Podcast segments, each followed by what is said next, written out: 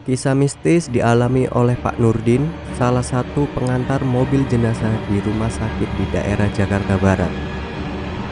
Walau bukan cita-citanya menjadi seorang sopir mobil jenazah, tetapi Pak Nurdin masih mengucap syukur mendapatkan pendapatan dari pekerjaan itu. Pak Nurdin masih tulus melakukan apa sebagai tanggung jawabnya. Pak Nurdin mengutarakan pengalaman yang dia rasakan saat menjadi salah satu pengantar mobil jenazah.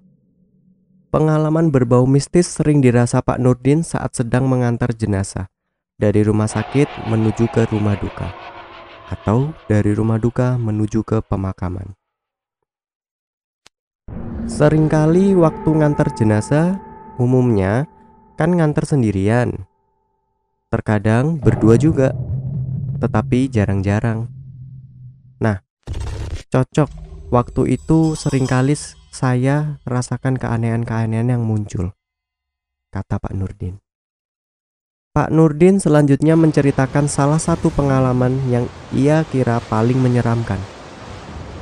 Malam itu, ia seorang diri mengantar jenazah korban kecelakaan jalan raya ke Jalan Panglima Polim, Jakarta Selatan.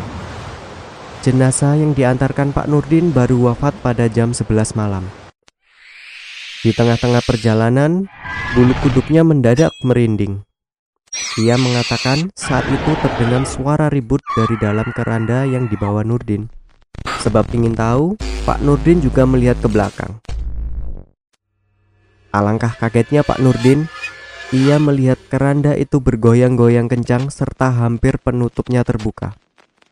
Pengalaman mistis lain yang pernah dialami Pak Nurdin saat ia lihat figur wanita di dekat jenazah yang diantarkannya ke rumah duka. Ia memandangnya saat tidak sengaja melihat ke kaca spion. Pak Nurdin menjelaskan wanita itu sedang menangis di samping jenazah tersebut. Tidak ingin begitu lama, Pak Nurdin selaksa membawa peti jenazah ke rumah duka. Walau sebenarnya dalam mobil itu hanya ada saya, saya lihat terus mukanya sekalian jalan. Saya turunkan jenazah itu di dalam rumah duka saat sampai. Nyatanya, wanita cantik tadi tidak ada. Ia nangisin kematiannya sendiri barangkali. Canda dari Pak Nurdin. Alangkah kagetnya saat ia membantu peti jenazah itu dibuka. Ia melihat sosok yang sama yang ia lihat saat menangisi peti jenazah tersebut. Saya langsung istighfar waktu itu. Terkejut soalnya, kata Pak Nurdin. Karena jumlah pengalaman mistis yang dialami Pak Nurdin begitu banyak, ia hanya mau menceritakan dua hal tersebut. Sampai saat ini, Pak Nurdin masih menyandang sebagai karyawan pengantar jenazah di salah satu rumah sakit di Jakarta Barat tersebut.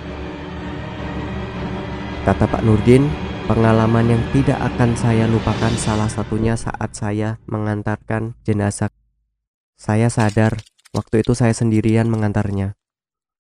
Tapi entah kenapa saat saya melihat ke spion kok ada seorang wanita menangis di samping keranda.